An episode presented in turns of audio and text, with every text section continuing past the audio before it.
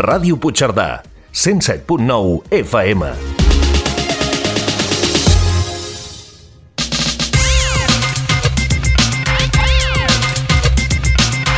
A la sintonia de Ràdio Puigcerdà, els dimarts a les 12 del migdia, Ciència en Colors, presentat per l'Enric Quílez, un programa de divulgació científica i tecnològica.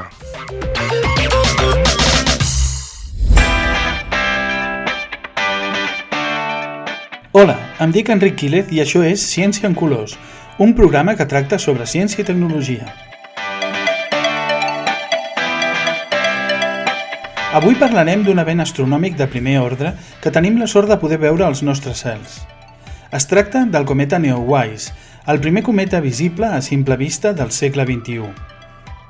Molts de vosaltres possiblement recordareu antics cometes molt espectaculars que van ser visibles des de Cerdanya, com el Yakutake l'any 1996 o el Hale-Bopp l'any 1997, o fins i tot el famós Halley l'any 1986, que va decebre força i va ser molt difícil de veure.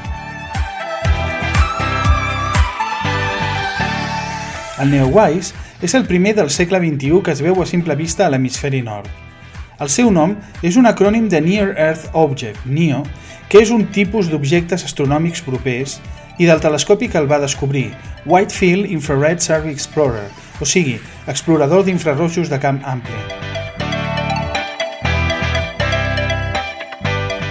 Però comencem pel començament.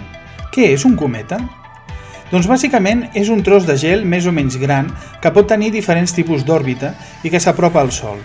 Quan ho fa, i després quan s'allunya, el gel es va evaporant i això és visible en forma d'una enorme cua que és el que li dona el seu peculiar aspecte al firmament. De vegades, els cometes no sobreviuen al seu apropament al Sol i es desintegren, com va passar recentment amb el cometa Atlas, que també prometia força i que va acabar desintegrant-se en múltiples fragments al mes d'abril d'enguany. Les òrbites dels cometes poden ser tancades, elíptiques, o obertes, parabòliques o hiperbòliques. Quan són tancades, els cometes, si sobreviuen al seu pas del Sol, tornen al cap d'uns certs anys.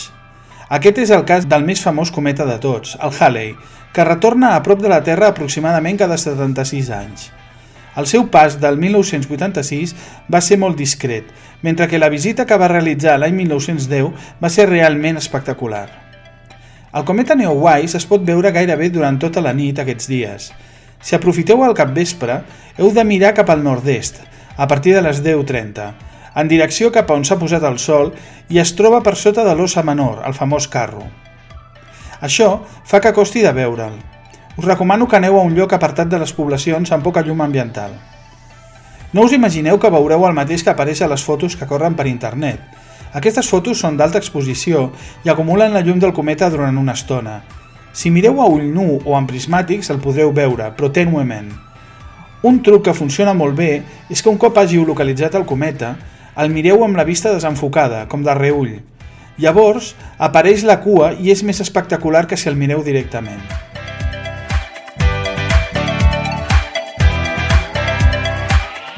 Si el voleu veure per la matinada, haureu d'aixecar-vos d'horeta i mirar cap a l'est, en direcció cap a on surt el sol, cap a les 5 de la matinada o abans.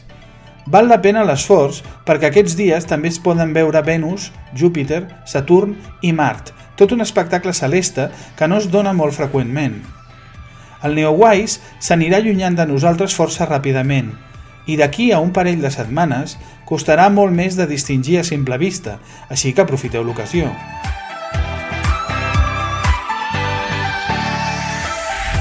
Antigament, es considerava que els cometes eren un símbol de malastrugança i es creia que portaven infortunis.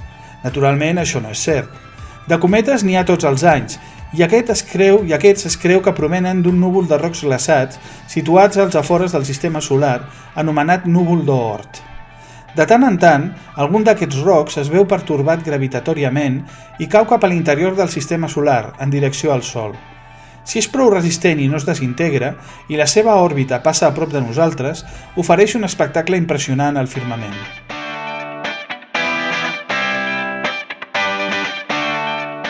Finalment, cal recordar que els cometes també poden arribar a xocar amb la Terra.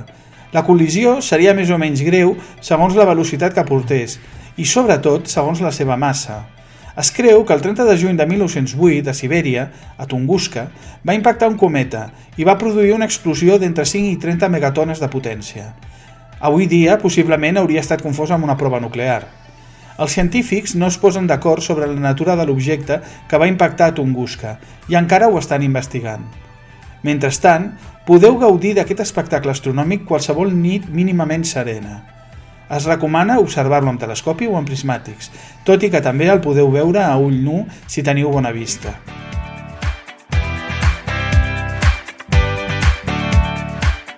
I fins aquí el programa d'avui.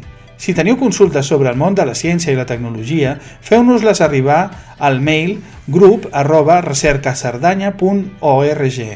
i mirarem de, de respondre-les en futures edicions del programa.